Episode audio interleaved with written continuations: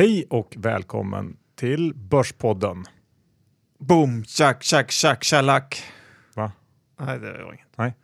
Bra, för att vi har nått avsnitt 197. Vi spelar in idag onsdagen den 31 maj. Jajebox, och vi har de fantastiska IG Markets med oss som huvudsponsor. Det har vi och som ni vet så är IG Markets en eh, självklarhet för alla traders som vill komplettera nätmäklarna och eh, du kan handla allt från eh, index och aktier till valutor och råvaror. Och som ni vet så finns det också bra och enkla möjligheter till att korta aktier. Ja, och nu när det har varit mycket teknikstrul hos de övriga, övriga nätmäklarna så är det ju fantastiskt bra att ha ytterligare en mäklare. Och jag ska ju tillägga det att, som jag tycker är bra, att du behöver inte stoppa in hela din förmögenhet i IG utan då det ges väldigt bra eh, belåningsmöjligheter så eh, finns det stora möjligheter att latcha runt lite med även en liten slant insatt.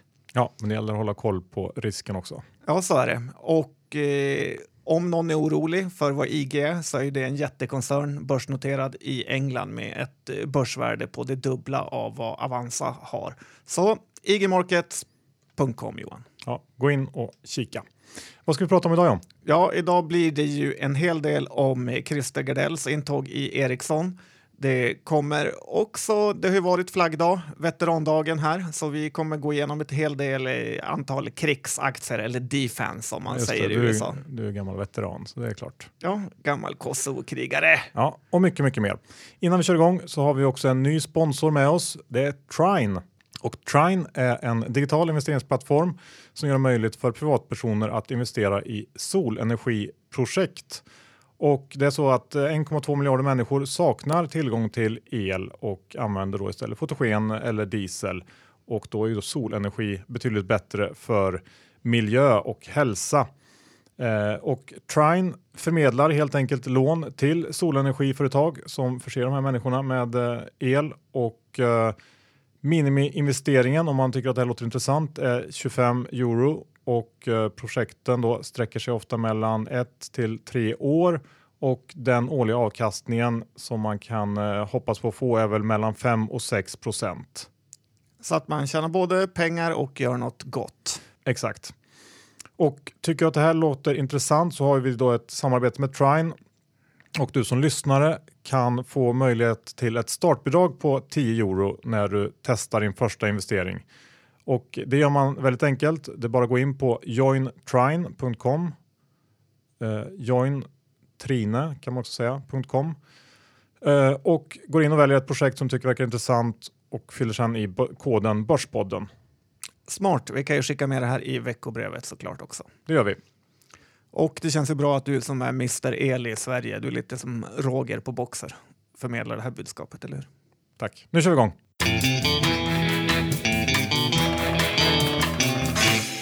Johan, Dr. Bass Isaksson, index i 1640 och eh, börsen kan emellanåt eh, kännas så tråkig så klockorna står stilla.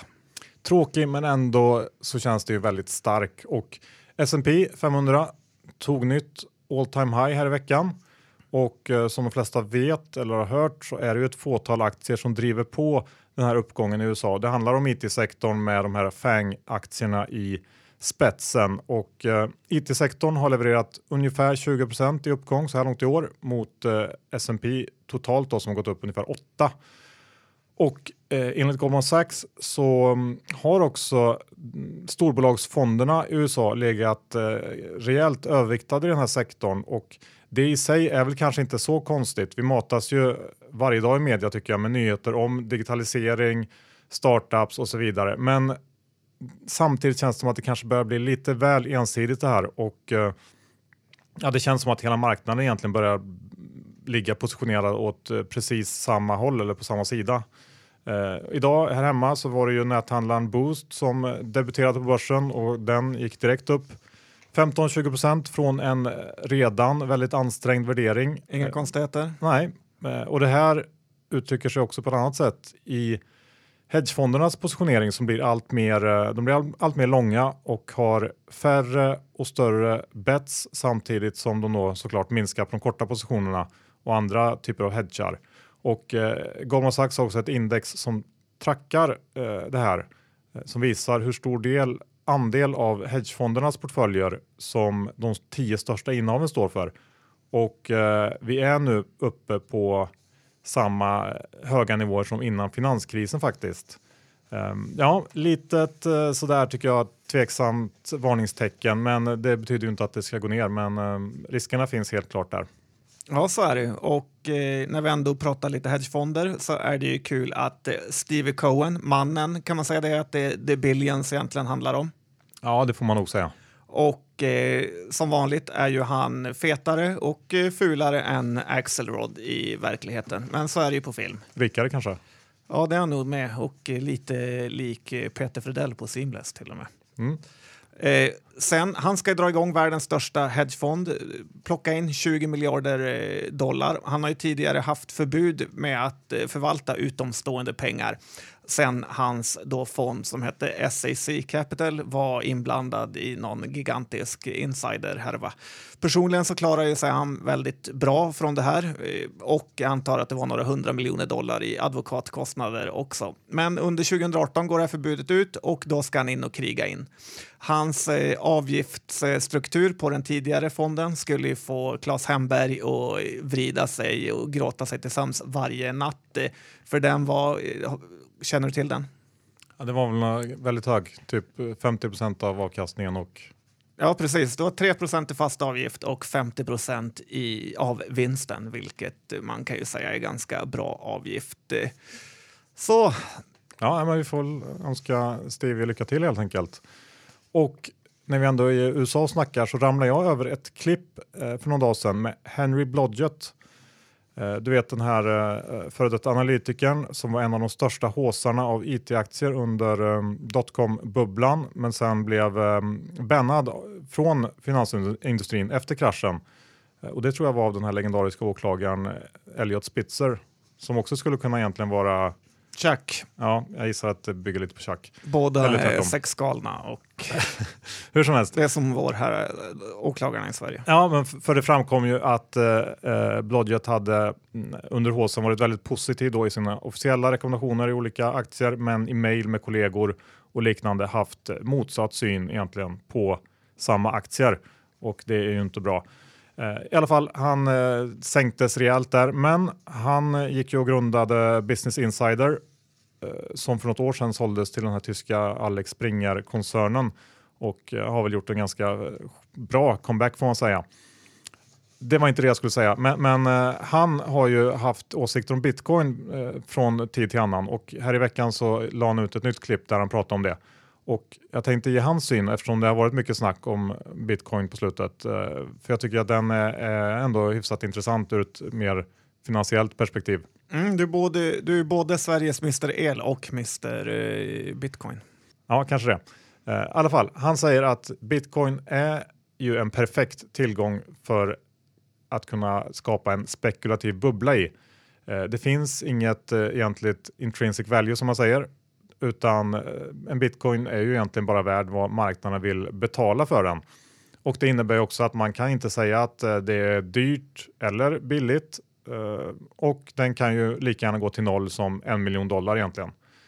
Och han tror att nyckeln för att priset ska fortsätta stiga det är ökat användande helt enkelt, vilket är rimligt tycker jag och det var väl också mitt sätt att se på hela det här när jag gick in för något år sedan. Jag tror att den här bakomliggande tekniken verkligen kan förändra stora delar av den finansiella sektorn och eh, med fler riktiga implementeringar av den här tekniken så tror jag också att priset kommer att stiga och det gör ju också den här skalningsfrågan som jag pratat om eh, tidigare så viktig. Um, men, men eh, i slutändan så är det också på det här sättet som jag rättfärdigar för mig själv att ha en, en liten slatt bitcoin i portföljen. Eh, jag ser det lite som diversifiering och som ett bett på att den här tekniken kommer att komma in i ja, i våra vardagliga liv på något sätt. Eh, nersidan är såklart eh, stor, 100% till och med kan man nog säga. Eh, om det inte lyckas eller om det helt fallerar på vägen. Men det är alltid 100% nedsida. Exakt, ja. men uppsidan är ju som Blodgett konstaterar eh, extremt stor. Det, finns ju, det är väldigt svårt att sätta ett pris på det och räkna på det och eh, på något sätt så ser jag också som den perfekta tillgången i en, i en QE och minusräntevärld. Eh, jag skickar i alla fall med det här klippet i lyssnarbrevet så kan de som är intresserade titta. Ja, det är kul att du tar fasta på vad en scam-artist eh, har att säga. Lotta Dinkelspiel på Affärsvärlden skrev ju faktiskt i dagens Affärsvärlden en eh, väldigt bra artikel om bitcoin. Vi kan skicka med den i veckobrevet också om de inte snålar på inlåsta artiklar. Vad vet jag? Jag kanske kan pull some strings. Ja, gör det. Du, Benson tänkte jag prata om. Han på Börsminus. på SVT Börsplus, ja. De publicerar ju en krönika om eh, digitala vinnare förra veckan. Antar att det var i samband med den här temadagen de hade. Um, I alla fall, den här krönikan avslutades med en lista där man rankade de digitala bolag som eh, Börsplus då följer baserat på tillväxt de kommande fem åren samt ev-ebit-multipel på 2019 års prognos. Och det lilla bolaget BIM Objects som ju är kända för trogna poddlyssnare. Ja, det är ju en eh, favorit från den gamla goda. Ja, kan man säga. Hur som helst, BIM Objects placerade sig i toppen på listan över framtida tillväxt de kommande fem åren, men också solklar etta, eller sist kanske, beror på hur man ser på det, på listan över högst värdering baserat på Börsplus prognos 2019. Och det här tyckte BIM var så stort att man slog till med ett eget pressmeddelande där man då basunerade ut att BIM var den tydliga ledaren i bägge kategorierna.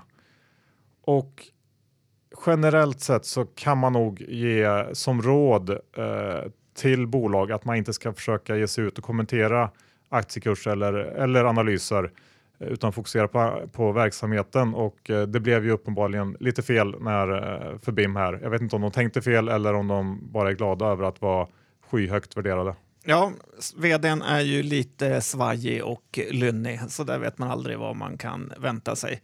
Okej John, då tycker jag att vi avslutar första delen med en, uh, ytterligare en EBM-rant som du har med varje vecka. Ja, det är så här att EBM är ju lite som Gud i den här podden, att eh, den dagliga dosen giv oss idag. Men här har jag två punkter och eh, den ena är ju att de verkar ha startat en ny räd mot eh, traders eh, där de använder sig av den här nya boten, alltså någon typ av straffföreläggande. Och eh, det är lite läskigt eh, för det här innebär att man nästan blir utpressad av myndigheten och accepterar att man har gjort fel. Och eh, gör man inte det så riskerar man att dra in eh, i någon typ av evighetslång eh, rättegångshärva och eh, och det kan ju bara röra sig om några hundralappar så att eh, man sitter lite i en rävsax där. Men jag måste ändå säga att det sparar ju på allas eh, resurser genom att eh, göra så här istället för den tidigare galenskapen. Och sen ska man ju ge faktiskt ge EBM cred när de förtjänar det. Och igår gav de sig på det här bolaget Robert Freeman som tydligen har smusslat med 50-tals miljoner kronor i olika bluffupplägg. Och som jag alltid har sagt eh, så är det ju precis den här typen av tjuvar de ska jaga. Det, som snor och skor sig på samhället och eh, låta till exempel Dollar-Janne på Börssnack eh, vara. Så det tog 197 avsnitt, men sen fick de lite beröm, Johan. Kul!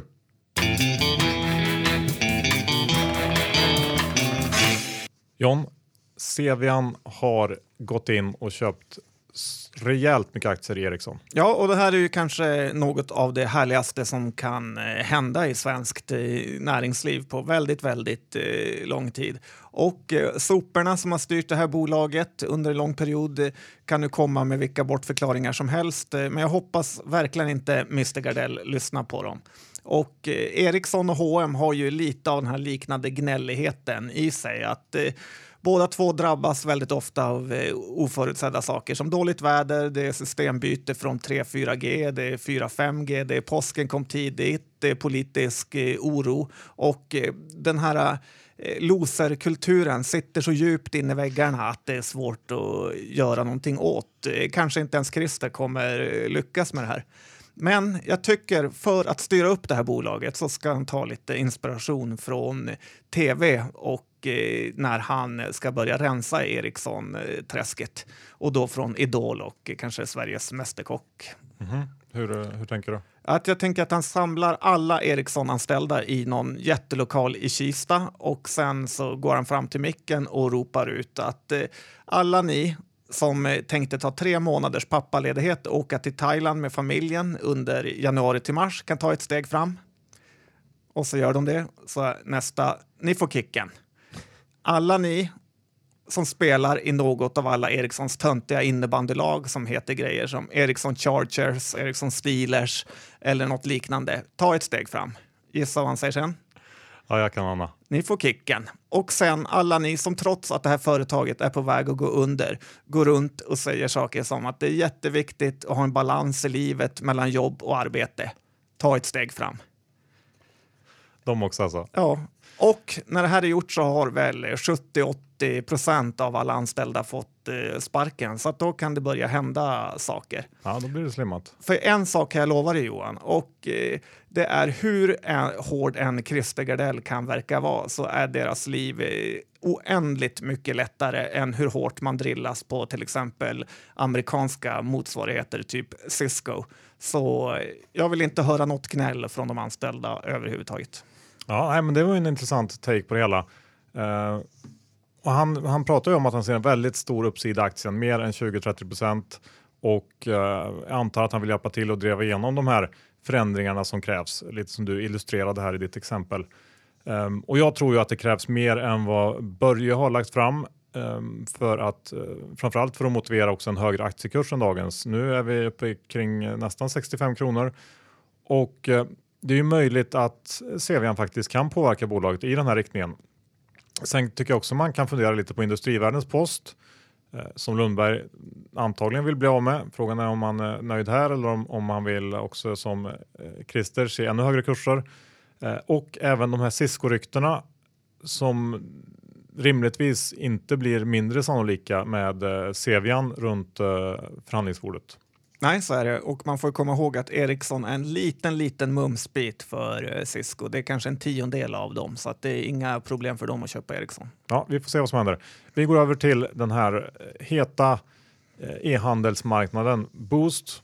Gick in på börsen idag som du nämnde tidigare och eh, man har ju sett deras reklamkampanj överallt. Jag har alltid undrat varför de har gjort eh, massa reklam i papperstidningen i Dagens Industri men nu har jag förstått att det måste vara för att lura in massa gamla gubbförvaltare och tro att de köper något fräscht. Eh, aktien gick in på 63 kronor och handlas nu i 77 när jag tittar senast. Och det här är ju drivet av kanske ett av världens sämsta börshus, Berenberg eller BBB som de heter i orderböckerna som bara köper och köper aktier. Och eh, om jag vore ägare av till exempel Ellos så skulle jag nu byta namn på den koncernen och göra massa reklam och sen trycka in det på börsen till sales eh, gånger fem ja. och bli mega, mega miljardär. Varför inte? Eh, när vi ändå är inne på det här området, Amazon, har du någonting att säga om dem? Ja, de har ju gått upp över 1000 dollar per aktie och eh, det hände igår och 1000 dollar är ju första gången de var över. Det som driver Amazon-kursen nu är ju att man säger att det här är det nya AI-bolaget, Artificial Intelligence. De har ju info om precis allt. De vet vad som säljer, vart, när, hur och eh, sen har ju faktiskt bolaget börjat tjäna riktiga pengar också. Eh, så allt går deras väg nu, men det är nästan lite så att man blir orolig för hur alla är håsade och eh, framförallt analytikerna också. Visst, bolaget är ett super, superbolag, men det har ett p-tal på 190. Det har ett börsvärde på 475 miljarder dollar. Kursen, eh, och även om det inte egentligen har någon betydelse, så är det ju nu för första gången har den kommit över Alphabet, alltså Google. Och eh, det verkar vara någon typ av ny trend att man inte ska splitta sin aktie, för det tyder på någon eh, kvalitetsstämpel kanske. Ja, intressant det där. Eh, känns lite läskigt kan jag tycka. Och när vi ändå pratar om eh, retail-sektorn så kan jag väl titta på andra spektrumet där absolut ingen är positiv. Jag tänker på H&M såklart. Ja, och eh, det kan jag verkligen förstå dem. Ja, det jag vet att du, du gör det. Och det är ju så här att trots att eh, pappa Persson våldsköper aktier, för det gör han verkligen, helt otroligt mycket och eh, trots att den här tunga investeringsfasen som har gått igenom under rätt många år faktiskt pikade förra året så fortsätter ju aktien bara ner och ner och allt fler blir allt mer negativa eh, och institutioner säljer och så vidare. Och eh, jag håller nog med om att den här online-satsningen så här långt är en besvikelse och att man borde kunna förväntat sig mer här. Men H&M är ju också en enorm maskin och det tar ofta betydligt längre tid att ställa om en sån än vad man kanske tror. Eh, och det som krävs nu, som vi har pratat om tidigare, är ju att det här momentumet i försäljningen vänder, eh, vilket heller ingen verkar tro är möjligt. Och när försäljningssiffrorna för maj publiceras här om lite drygt två veckor så är förväntningarna låga. Runt 4% i tillväxt räknas, tror jag, trots relativt enkla jämförelsetal. Och eh, om nu försäljningen kommer in där eller lägre så skulle det också innebära att lagren är, är väl fortsatt höga och att risken för eh, marginalbetungande reor kommer att belasta även framöver. Uh, och allt det här har ju resulterat i ett uselt sentiment och även faktiskt en historiskt låg värdering. Um, och någonstans här börjar jag ändå känna min contrarian uh, persona börjar ändå känna att det, det, börjar bli lite intressant. Så jag har faktiskt tagit en liten stek i H&M för första gången på ganska länge. Eh, jag är absolut inte övertygad om att det kommer att vända här, men kortsiktigt på något sätt så känns nedsidan eh, hyfsat låg samtidigt som ja, väldigt mycket skit börjar ligga i, i kursen.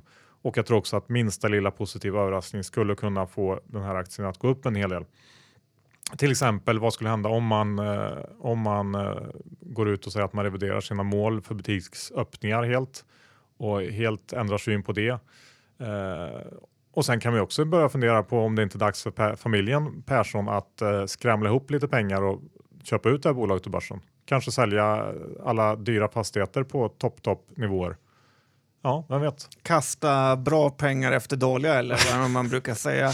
Jag tycker ju mer att det verkar som att fler och fler hoppar på det här säljtåget. Att vi i början av någon typ av säljskede. Carnegie som igår sänkte kursen till 200 och eh, du, du säger att det ska spela roll, hända något bra och jag förstår inte vad som ska kunna vara bättre än att pappa Persson köper enorma mängder aktier och det verkar spela precis eh, ingen roll. P-talet är ju kring 19 eh, för i år eh, och det är inte jättebilligt för ett bolag som har mest eh, nedsida och eh, om de inte öppnar nya butiker så skulle det vara negativ eh, tillväxt. Eh, jag får lite samma känsla med KJP som med AKB, alltså moderatledaren. Att det är kört för båda två. Ingen verkar kunna fylla upp sin kostym och eh, då är det bara som en fotbollstränare att eh, lämna jobbet och gå vidare. Ja, ja. ja men vi, vi har helt enkelt lite skilda åsikter här, men eh, jag är lång och du? Ja, jag tog en blankare position idag på IG Markets med tio gångers belåning tror jag, så det känns ja. lite svettigt. Spännande, spännande. Vi får återkomma. Vi går över till ett lite mindre bolag. Cassandra Oil. Ja, den galna vdn lyckades nästan elda upp sig själv och den lokalen som Cassandra förvarar sina prylar i. Vi har ju sågat eh, sönder Cassandra Oil i molekyler i början av våra poddkarriärer och eh, Samtidigt eh, ska man komma ihåg Jordanfonden då, som eh, verkligen använde sitt skarpaste krut genom att försöka vara elaka mot oss. Eh, när jag tänkte på det här så kom jag också på den nästan kriminellt haussiga artikeln i DI som Cassandra fick en gång när aktien nästan tripplades på en period efter det. När de fick bre ut sig om sin bluffmaskin. Eh, såklart blev ju deras maskin skadad i den här eh, eldsvådan, och, eh, men de säger att försäkringen ska täcka det. Och Johan, jag vill inte vara mer elak än jag brukar, men jag får nästan en känsla av att det här är samma sak som brukar hända förlusttyngda tyngda restauranger, att de eh, lyckas brinna ner på ett oförklarligt sätt. Ja, det är konstigt det där. Vi går över till vårdsektorn John, för Attendo köpte i morse ett finskt vårdbolag, såg du det? Nej. Nej, men då berättar jag det för dig nu. Eh, vilket ju då på något sätt visar eh, på de här möjligheterna, vi pratade om det här tidigare, som de stora spelarna ser i den finska vårdsektorn just nu. Eh, för det kommer ju ske en, en häls hälsovårdsreform i landet och eh, därför tänkte jag att vi kan ta upp ett eh, finskt bolag som är en spelare inom vårdsektorn som heter Pila Jalina Funderar du på en avknopparpodd som bara kommer handla om finska bolag och du pratar finska? Börski podski. Ja, kanske, men i alla fall. Det här bolaget ser ut att kunna bli en av vinnarna på den här reformen och eh, det är en ganska stor marknad som öppnas upp för privata aktörer eh, och upphandlingar eh, kring det här har redan påbörjats och det finns eh, vad jag förstår möjlighet för Pila Jalina att vinna ett par ganska stora sådana här upphandlingar redan i år. Eh, reformen i sig väntas som jag förstår det börja kicka igång 2019 och det är svårt att estimera hur stor del av marknaden som det här bolaget kommer att kunna ta såklart. Men givet en, att de får tag i en hygglig del så är uppsidan antagligen ganska stor i den här aktien.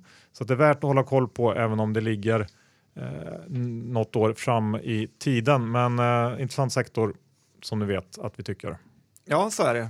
Och John, när vi ändå är i Finland så måste jag ta upp eh, lågpriskedjan Tokmanni igen. Vi pratade om dem förra veckan och aktien har fortsatt ner eh, sedan dess ytterligare till strax under 8 euro och 30 eurocent. Tokmanni är väl lite av eh, Jula om man tittar på deras hemsida. Ja, möter ÖB kanske. Den perfekta kombinationen. Men, ja precis du hör. Och nu kunde jag faktiskt inte hålla mig så sista dagarna här och även idag eh, så har jag köpt lite aktier. Den här aktien är faktiskt ner 25 procent nu sedan Q1 och eh, eh, min plan är faktiskt att syna Q2 för att jag tror att man överskattar lite grann eh, eller underskattar kanske, jag vet inte hur man ska säga det, påskeffekten här som ju kom i Q1 för de här bolagen och dessutom det här problemen med att vdn lämnar och sålde sina aktier. Jag tror det blev eh, lite väl mycket men man tolkar in för mycket i det också så att eh, eh dessutom är Q1 det absolut minsta kvartalet för det här bolaget. Och eh, man har också haft lite sådana här temporära problem med, med något nytt IT-system och eh, satsade även lite större på, på försäljningskampanjer eller reklamkampanjer än tidigare, vilket man i och för sig kan säga att det borde ha gett lite mer betalt i form av, av mer försäljning. Men eh, i slutändan så höll ju ledningen fast vid sin prognos i samband med rapporten för helåret om eh, god tillväxt och ökad lönsamhet jämfört med förra året. Och eh, eh som om inte det skulle räcka så har ju faktiskt den finska ekonomin börjat takta på lite bättre. Så jag tycker ändå att eh, allt det här eh, gör att jag, jag eh, vågar mig på en litet dippköp även här. Aktien handlas till P 13, ev ebit 11 på årets prognoser, vilket ju också är billigt. Så att, kanske lite oroande att jag har hittat två dippköp inom handel. Ja, men det här gillar jag betydligt mer då det här måste vara en sommaraktie då man åker och köper sina gräsklippare och utebord och allt vad de verkar ha. Ja, men absolut. Så att det, det får bli min, eh, min sommarswing här, ser ut som. Tokmanni. Ska vi gå över till eh, krigsaktier i USA, John? Ja, här i Sverige har vi ju egentligen bara Saab att eh, prata om vad gäller sådana här defense eller krigsaktier. Eh, men i USA finns det ju en hel del, väldigt många och eh, det vore ju konstigt annars med tanke på hur de härjar runt i världen. Eh, det första bolaget som är väl lite okänt heter Orbital ATK och eh, har du talat om det? Uh, nej, vad gör de? Eh, ja, men det är ett intressant bolag som består av några olika delar. En del håller på med, som bolaget heter, då, att de håller på med satelliter och rymdprodukter. Orbital kan man väl eh, förstå genom ordet där. Eh, dessutom så håller, då, har de också eh, stora program eller produkter kring missilförsvar, eh, vilket också kan vara något eh, att ha i så här Nordkorea-tider där de skickar iväg lite cruise missiles då och då.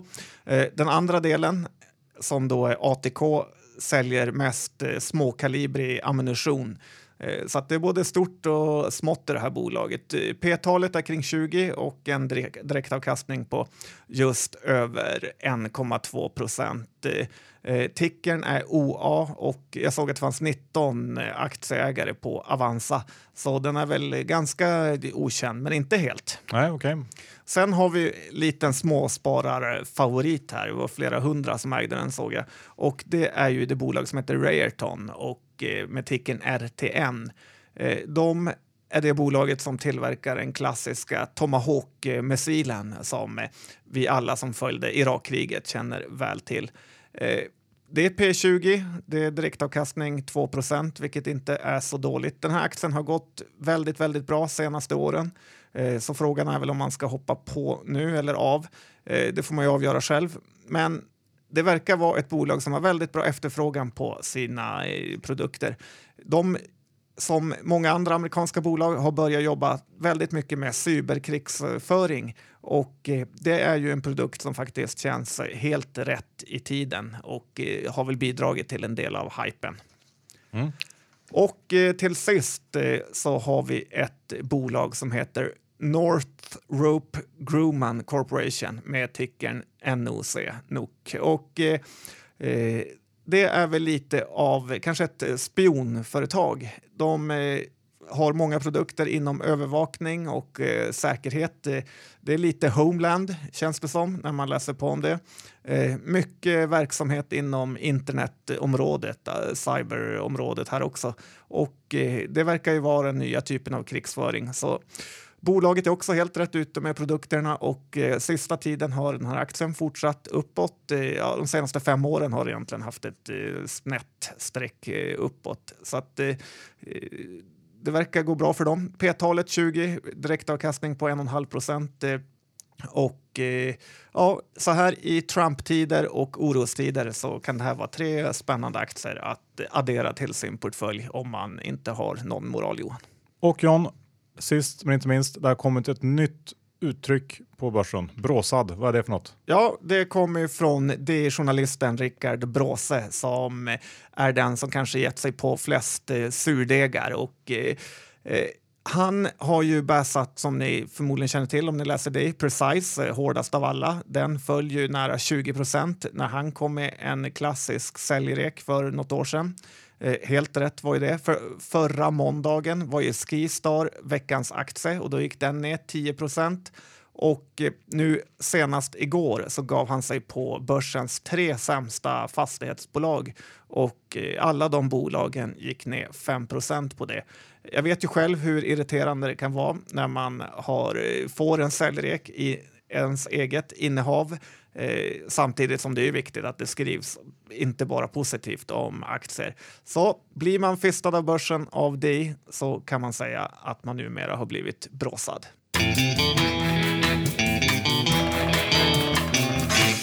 Slut på avsnitt 197. Vi tackar vår huvudsponsor IG Markets. Jajebox, in med lite flis där och korta H&M. Eller gå lång, gör som ni vill. Valet är ert. Men ja. på IG erbjuder väldigt bra belåningsmöjligheter. Och inte minst är IG ett bra alternativ när nätmäklarna har tekniska problem och ligger nere, vilket händer titt som tätt. Så gå in på ig.com och kika vidare där. Helt rätt. Ni får inte heller glömma bort vår nya sponsor Trine som löser två problem kan jag säga. Att människor saknar elektricitet och att folk saknar ett enkelt eh, och hållbart sätt att placera sina pengar. Genom vårt samarbete med Trine så får du som Börspodden-lyssnare ett startbidrag på 10 euro när du testar din första investering. Det är bara att gå in och välja ett projekt som du tycker verkar intressant och sen fylla i då koden Börspodden eh, där en kod efterfrågas. Eh, gå in på jointrine.com. J-O-I-N-T-R-I-N-E.com. Vi kan lägga upp det på hemsidan med. Yes. Bra, eh, innan vi avslutar, har du eh, några positioner, långa eller korta, bland aktierna vi har pratat om idag? Du nämnde ju att du var kort H&M. Den här veckan är jag bara kort H&M faktiskt. Vi får se hur det slutar. Oj, en ny Dr. Bass. Jag hoppas det. Ja. Jag är lång H&M och då också lång Tokmanni och bitcoin. Du håller verkligen på att inte bli det själv längre Johan. Nej, men jag är kort på börsen också. Bra. Tack för att ni lyssnade. Vi hörs om en vecka igen. Tack och hej!